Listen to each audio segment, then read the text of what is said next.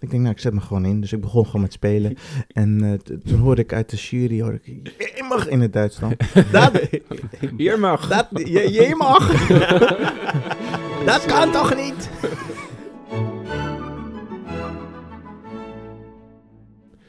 Saiwong Shima.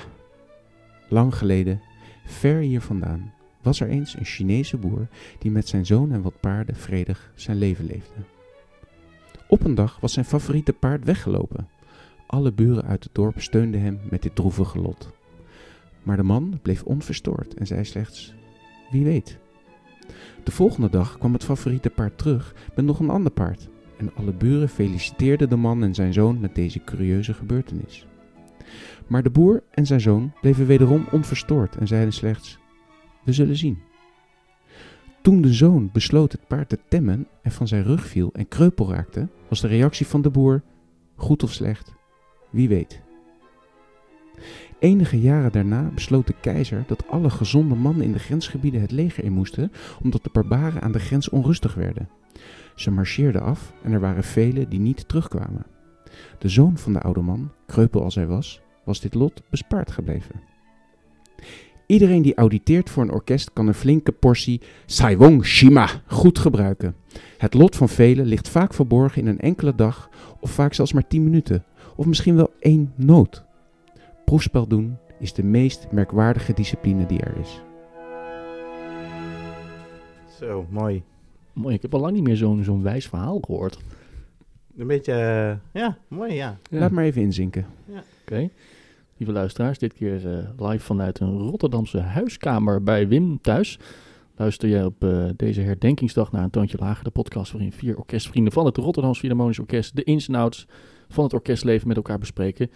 Nou, deze vier vrienden stel ik graag nog even aan je voor. Naast mij zitten alt-violist Galahad Samson, violist Wim Ruitenbeek, Pierre Buizer, hornist en mijn naam is Koen Stapert, ook violist. Wat gebeurt er op en achter het podium? Een kijkje onder de motorkap. Dit is een toontje lager. Jongens, hoe maken jullie het? Ja, vreugde en verdriet, tenminste tranen van ontroering bij de koning, die eh, eh, dankzij Abu Talib eh, ja, ontroerd raakte door de komst naar Rotterdam. En ja, dat Rotterdam zo mooi kan laten zien hoe je goed je kan samenwerken. En als je samenwerkt, dat je dan echt iets moois kan neerzetten. En daar staan wij voor, hè, met z'n allen. Dus dat is eh, echt geweldig. En eh, een uh, jippie voor ons eh, in eh, podcastland, want er is van alles aan de gang. En dat betekent meer ruimte voor ons. Ja? Wat is er aan de gang dan? Ja, eh, Nog niet bevestigd gekregen. nog niet toch? bevestigd Nee. gekregen, maar wel meer ruimte. In ieder geval gaan. Mark-Marie Huibrechts en ehm, mevrouw Korsjes eh, gaan eh, stoppen, ja, Ja? stoppen met een podcast. Oh, dat zijn, dat zijn precies die klassieke muziekliefhebbers hè, die, Snap dan, je? eh, die dan over Die kunnen kunnen- stappen. Allemaal naar ons. Oh, eh, handig.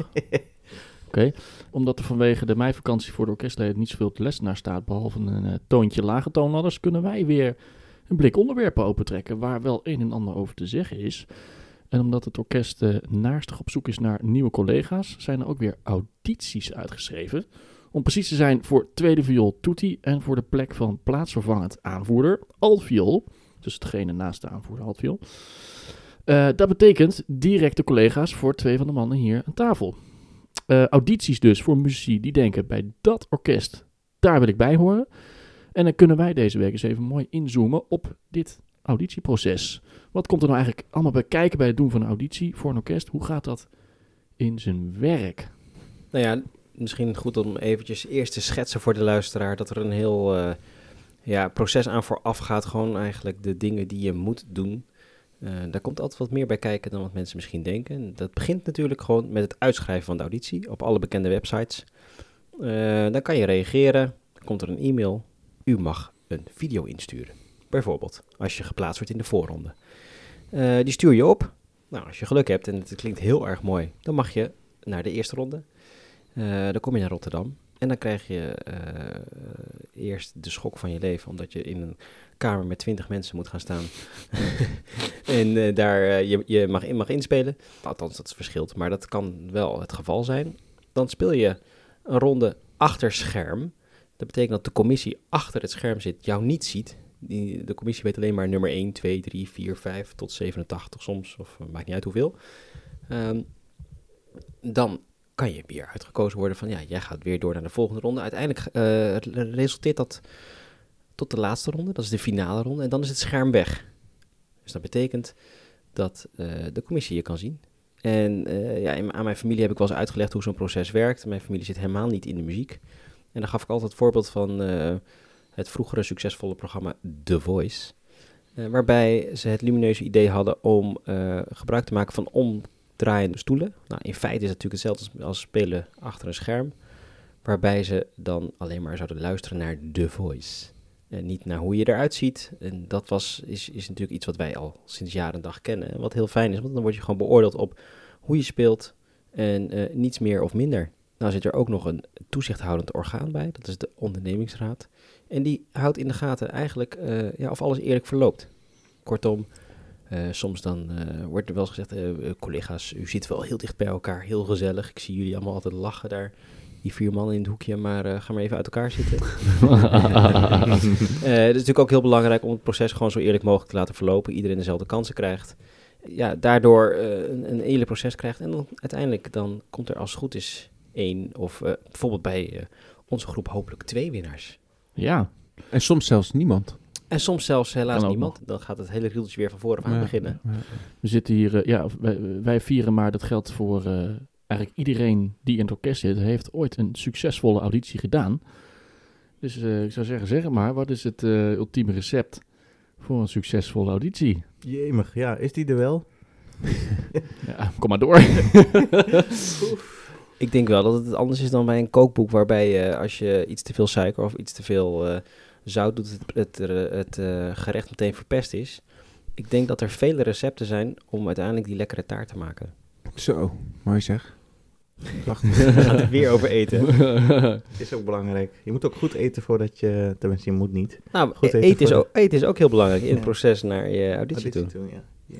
Maar heb je even serieus, heb jij, heb jij een paar uh, ingrediënten die je erin kan gooien? Ja, wat uh, Wim ook zegt, er, zijn uh, aan de andere kant zijn er juryleden en het, het zijn twee elementen altijd belangrijk voor mij. Dat zijn jezelf. Hoe zit je er zelf in? Hoe is je gevoel? En hoe is het gevoel bij de, bij de jury? Hè? die twee dingen, er zijn zoveel factoren, maar die twee dingen die maken zoveel uit op dat moment. En ja, ik zit altijd in een enorme tunnelvisie. je moet heel goed weten wat je doet zonder afgeleid te raken. Ik had een keer een heel mooi verhaal in, in Duitsland, was ik op auditie moest naar binnen, moest spelen. De pianist die begon te spelen en die sloeg alles helemaal mis. helemaal mis. En uh, ik denk, Wel het oh, goede stuk. Goeie. Nou, de, geen idee. Nee. Eh, en ik moest inzetten. Ik denk, maar waar moet ik nu inzetten? Dus ik kreeg natuurlijk een beetje stress. Ik denk, nou, ik zet me gewoon in. Dus ik begon gewoon met spelen. En uh, toen hoorde ik uit de jury, hoorde ik, je mag in het Duits dan. dat, je mag. Dat, je, je mag. dat kan toch niet? Wat is dat? En gezicht. En ik denk, mijn god. Ik had echt heel slecht Duits, hè? Heel slecht Duits. Ja, jaren. Misschien was dat het probleem ook een beetje.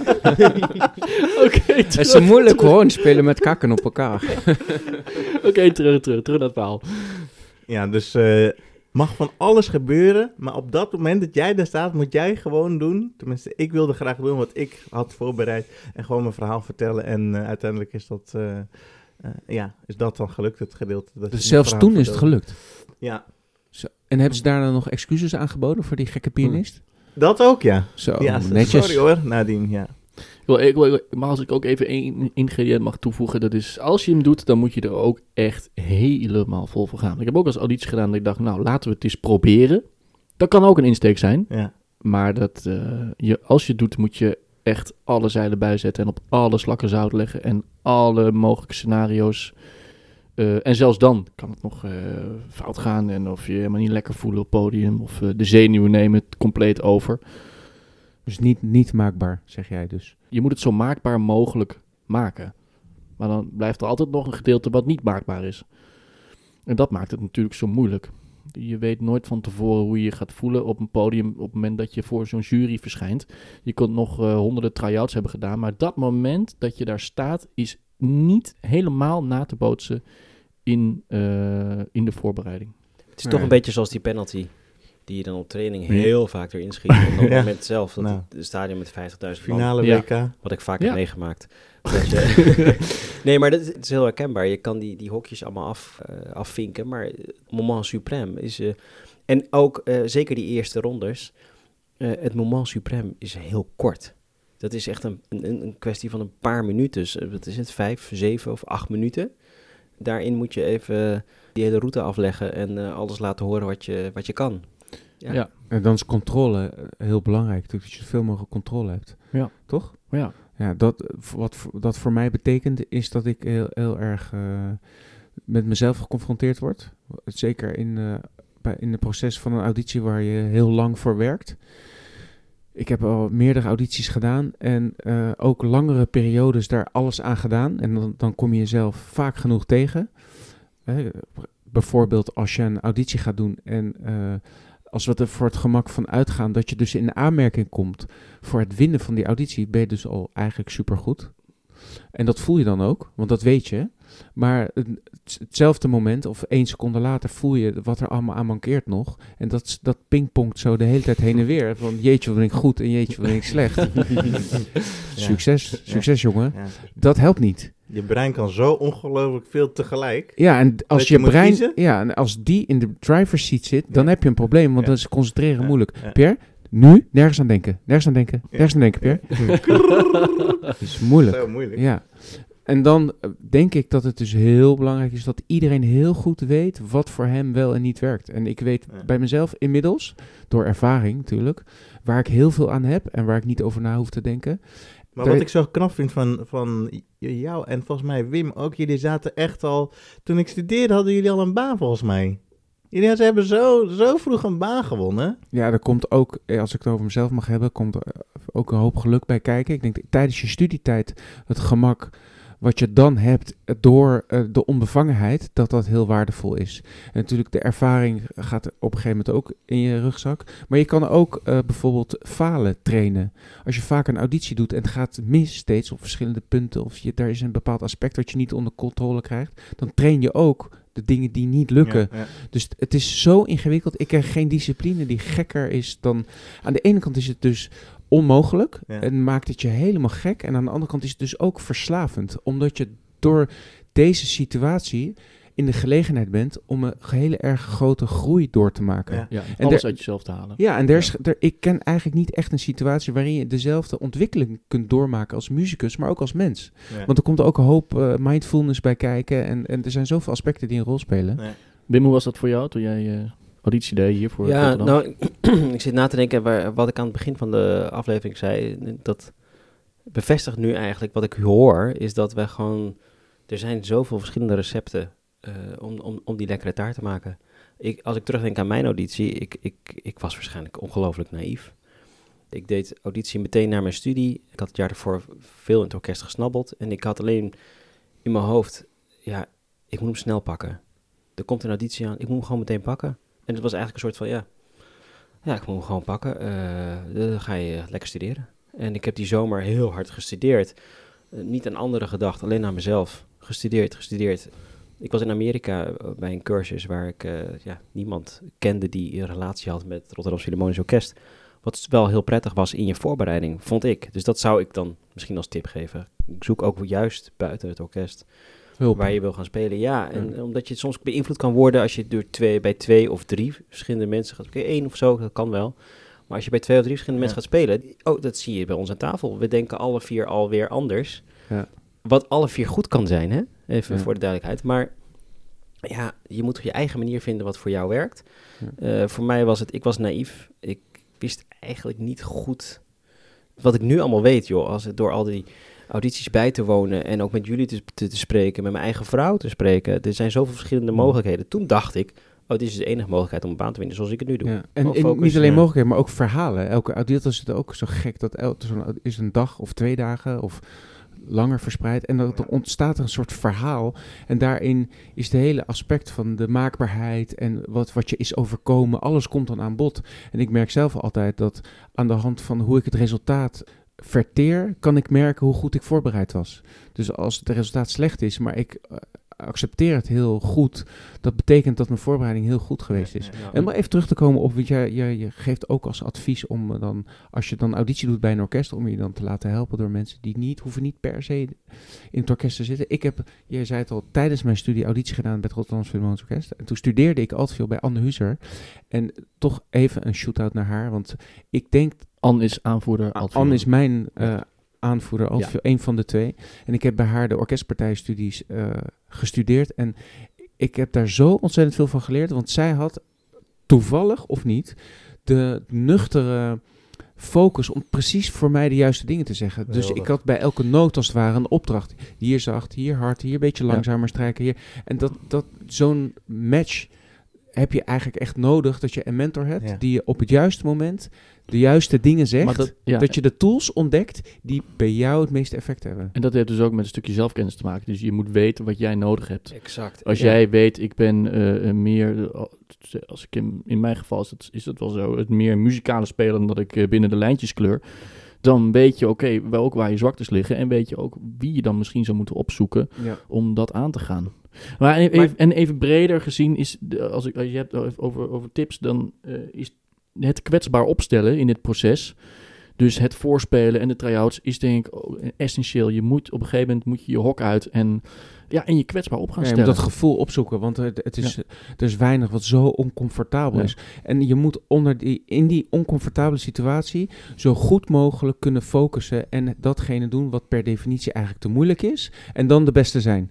Nou ja, dan, dan moet je jezelf nog moeilijker maken en onder de moeilijkste omstandigheden leren je werk te kunnen uitvoeren. Nou, da- dan moet je dus he- hele nare dingen voor aangaan.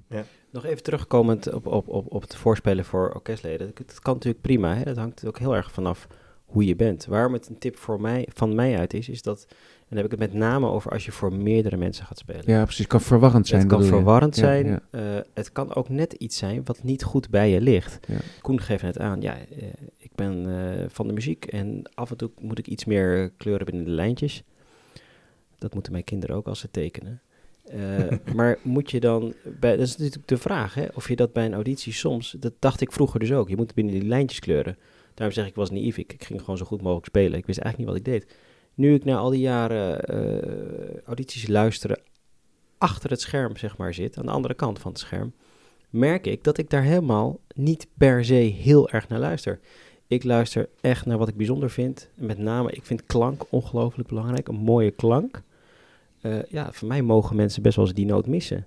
Ja. Dat zou mijn tip zijn, is, is, is zoek mensen waar je je fijn bij voelt, waar je goed bij, die je volledig vertrouwt om je daarbij voor te bereiden. Dat kan ook mensen uit het orkest zijn, hè? dat is helemaal niet... eh, Maar ook denk aan de mensen achter het scherm. Dat zijn geen aliens, boze mensen. Dat zijn mensen die het liefst mooie muziek horen. Och, wat heb ik altijd gestreden om, Ja. om de mensen die aan die kant tevreden te, te houden. Dat is zo'n strijd dat ik denk, oh, ik moet zo spelen, want dat vinden ze vast mooi. Ja, precies. Maar dat moet je Oh, dus niet doen. Nee. Nou ja, ik moet wel zeggen, als iemand vals speelt, vind ik het niet mooi. Nee. Nee, kijk, nee, maar je hebt natuurlijk, kijk, je hebt natuurlijk, hè, je hebt, je hebt je, je hebt je marges. Maar bijvoorbeeld, ik heb op mensen gestemd die, die met heel veel vibrato Bach spelen. En met, op mensen, ook op mensen gestemd die helemaal zonder vibrato Bach spelen. Mhm. En dat is natuurlijk een stijl, een stijl issue. Maar ik geloof heel erg in dat je met een goede overtuiging alles kan doen. Ja, je kan jezelf niet verbergen ook. De luisteraars zien toch wel wie ze voor zich hebben. Dus dan kan je net zo goed... eh, ja, en beter jezelf laten Ja, zien. precies. Ja. Want als je jezelf niet gaat laten zien, je gaat maskeren, dat Ja. valt meer op. Ja. Ik ben bijvoorbeeld soms ook wel gewoon voor je sterke punten benadrukken. Ja. En niet altijd zoeken naar, oké, dit zijn mijn zwakke punten, daar ga ik op inzoomen. Want daar ga ik op... Nee, relaxed. Mensen willen Nee. mooie muziek horen. Ja. Dat is de basis. Daarom hebben wij ooit het instrument gekozen om Ja. mooie muziek te maken Ja. en, en, en te horen. Ja. En stel, dan heb je het eh, voorbereidingsproces helemaal doorlopen en dan heb je het zo maakbaar mogelijk gemaakt. Je hebt eh, alle vinkjes eh, gezet, dan sta je daar en dan komen de zenuwen. Nee, die zijn er al weken, maanden lang. Ik weet, ik heb audities gedaan en ik, ik, ik ben op een gegeven moment ben ik gaan floten. Heb je dat wel eens gedaan? Dan lig je in een soort schelp met zout water en dat, die schelp gaat dicht en dan is het helemaal donker en dan blijf je drijven. En dan ga je zo van ontspannen dat als je daar 20 minuten in slaap staat, gelijk aan 4 uur slaap. Waarom doe je dat niet iedere dag? Ja, dat kost geld. Oh. Nee, maar dat was lekker. Want Oh, ik had goed, op een gegeven moment... Echt, eh, je gaat ook vastzitten. Ja, massages heb ik gehad. Ja. Ik heb eh, thuis gezegd, eh, het spijt me. Ja. Ik, er komt van alles bij kijken. Dus het is Nou, niet ja. het stress alleen Ja, op de je dag geeft zelf, toch? heel veel op, hè. Op het moment dat je er helemaal voor gaat. Ja, dan staat je hele leven staat Ja. op, daarop Ja, gericht. ja. Dat is heavy. Ongelooflijk, ja. Ja, joh. Ik zal thuis nog eens vragen hoe ze het vond. Mooie herinneringen op. Oh, ja. oh. En nog even terugkomen op, eh, op de zenuwen, zijn, eh, hoe je die eh, te lijf gaat, zijn eh, beta-blokkers. Is dat een taboe? Eh, ik denk dat het een taboe is. Ik denk dat het niet moet. Eh, voor zover... een taboe is. Wel, ja. Maar wij, wij, wij bespreken alles, toch jongens? Dat kunnen we het Ja, goed over hebben. ja. Nee, voor, zover ik weet gebruiken veel mensen beta-blokkers voor audities of voor moeilijke dingen die ze moeten doen. Eh, ik heb het zelf ook gedaan. Ik heb het ook vaak niet gedaan. Ik heb, eh, een- ja, ik, ik twijfel altijd, omdat het is ook, eh, het gaat ook ten koste van andere dingen. Ik heb wisselende successen gehaald met beta-blokkers en wisselende successen gehaald zonder beta-blokkers. Eh, ik ben er niet bang voor. Ik vind wel dat het eh, goed aangeeft hoe moeilijk het is wat we doen. En eh, dat het eh, je bewust laat nadenken over waarom je dat nodig zou hebben en wat je eraan zou kunnen doen. Ja, de- interessante discussie. Ik, ik wil graag daar wel graag over praten. Maar, De strijkers ja, gebruiken het ook. zeker, ja. Voor blazers kan ik het me beter voorstellen, omdat die qua adem veel meer afhankelijk zijn van hun eh, ja, onbewuste zenuwstelsel, zeg maar. Eh, maar jullie hebben dat... eh, Nou, ik denk Dus- dat bij, bij de fijne motoriek, eh, dat die een beetje naar de knoppen gaat als je adrenaline te hoog gaat. En je, Je hartslag kleine gaat op, spiertjes, op hol slaan. Ja. ja. ja, dan wordt het moeilijk om... eh, Want dat je adem, dat bedoel je dat je te hoog in je adem gaat zitten. ja, de, de stress heeft zoveel effect op je adem, dat Ja, je inderdaad ja. minder adem... Nou ja, alles wordt je- minder. En ga je je- zenuwachtig spelen. Ja, dan ga je Ja. trillen en eh, dan komt er niks meer uit. Maar wat, heb, wat doe jij dan? Gebruik je dat of niet? Ik heb het wel eens gebruikt, maar Ja. soms ook niet. Eh, het ook echt wisselend. Wel altijd het gevoel gehad dat ik, eh, als ik het gebruikte, dat het ja, Werkte. werkte. wel, wel hielp. Maar als ik het niet gebruikte, had ik het ook niet nodig. Nee, precies. En dat voelde je van tevoren, dat je een soort controle had over... Ja, ja. Ja. als ik bijvoorbeeld eh, een auditie heel graag wilde winnen, al van tevoren, Ja. eh, dan was ik zo bijvoorbeeld met het resultaat bezig, dat ik, eh, eh, nou ja... Je kreeg je focus andere- niet op de rit eigenlijk. Nee, een Ja. andere spanning had dan Ja. als ik gewoon dacht van zo, ja, Ja. ik ben Nog mega goed voorbereid, ik doe tip, gewoon mee. Schiet, eh, schiet me nu te binnen, nu jij het hebt over resultaat. Niet met het resultaat bezig zijn. Heel goed. Nou, nee, daar ben ik niet mee eens. Je moet je heel erg met het resultaat bezig zijn, maar alle aspecten ervan. Want Ik de- denk dat het een alleen maar druk op oplevert. Ja. Nee, nee, want het Nou, je- resultaat is even, ook dat je... even, je moet eerst even uitleggen wat resultaat zijn. verschillende soorten resultaten. Je kan het resultaat zien als dat wat je neerzet op het podium. Of je kan het resultaat zien als de baan winnen. Als je van tevoren voor een auditie gaat, dan weet je dat er een aantal mogelijkheden zijn die er kunnen plaatsvinden. Dat, op dat is precies niet wat ik bedoel. Wat ik bedoel is inderdaad, wat Pierre net zei, ik wil die baan zo graag hebben. Het direct tastbare resultaat. Ja. Het winnen of niet winnen van de baan. En eh, op het moment dat je daarmee bezig gaat... In, Maar hoe doe je dat? Hoe, hoe ben je daar actief niet mee bezig? Door je, door je vooral te focussen op dat wat je levert op het podium. Ja. Denk ik ook, ja. Maar goed, het is hartstikke moeilijk, want soms hangt er hartstikke veel van af. Precies. Eh, als je, als je, weet ik, ja, eh, je kan, eh, kan je hele gezin kan bij wijze van spreken verhuizen als er, als er, Bijvoorbeeld. ja, dat kan vanaf. Dus het is, ja, nee, dit- wat je net zegt, denk maar, eens, het is hartstikke moeilijk.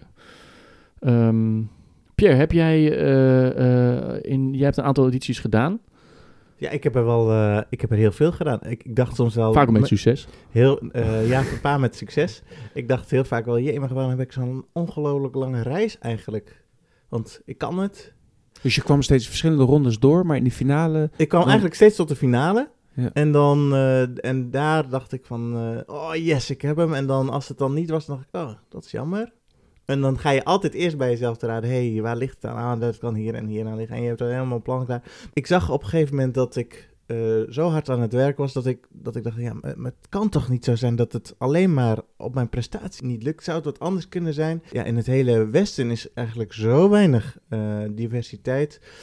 Het zijn er toch veel mentale obstakels hè, die je moet overwinnen. Ja, het is zo jammer, want ik, ik denk dat de, de wereld, maar ook de muzikale wereld, eh, nu zo aan het veranderen is. En ik denk dat er ook eh, in deze generatie zoveel leuke, eh, jonge, gekleurde mensen en kinderen zijn die eh, een kans zouden moeten krijgen. Dat ik hoop dat het eeuwenoude auditieproces misschien herbekeken kan worden om te kijken of, of en het begint natuurlijk al veel eerder dan bij de audities, laten we wel wezen. Bij scholing al en eh, daarom was ik vorige week ook zo, vorige keer met de muziekversie van onze podcast zo blij met Maxima. Die pleit voor, die pleit voor Ja, meer ja. muziek in de klas, meer educatie. Ja. Juist. Dan eh, geeft dat uiteindelijk ook ehm, veel later effect op het professionele leven. En in alle sectoren, in de muziek, in de sport en pop, eh hip-hop, reggae, eh, ehm, jazz. eh, nou, en dan een, sport al helemaal, eh, voetbal, eh, basketbal. eh, overal is het normaal. En, en het is een beetje gek dat wij zo ontzettend achterblijven in de klassieke muziek. Conservatieve wereld, hè? ja, Maar je denkt dat het eigenlijk dus niet toegankelijk genoeg is al vanaf, vanaf jong, jongs af aan. vanaf jong, ja. ja. Dat, dat, dat, dat je daar eigenlijk Dat voornamelijk in moet investeren. Ja, dat, het netwerk wat eh, net misschien niet toereikend is voor eh, ja, Misschien ook weinig rolmodellen. Ook. ja, weinig rolmodellen.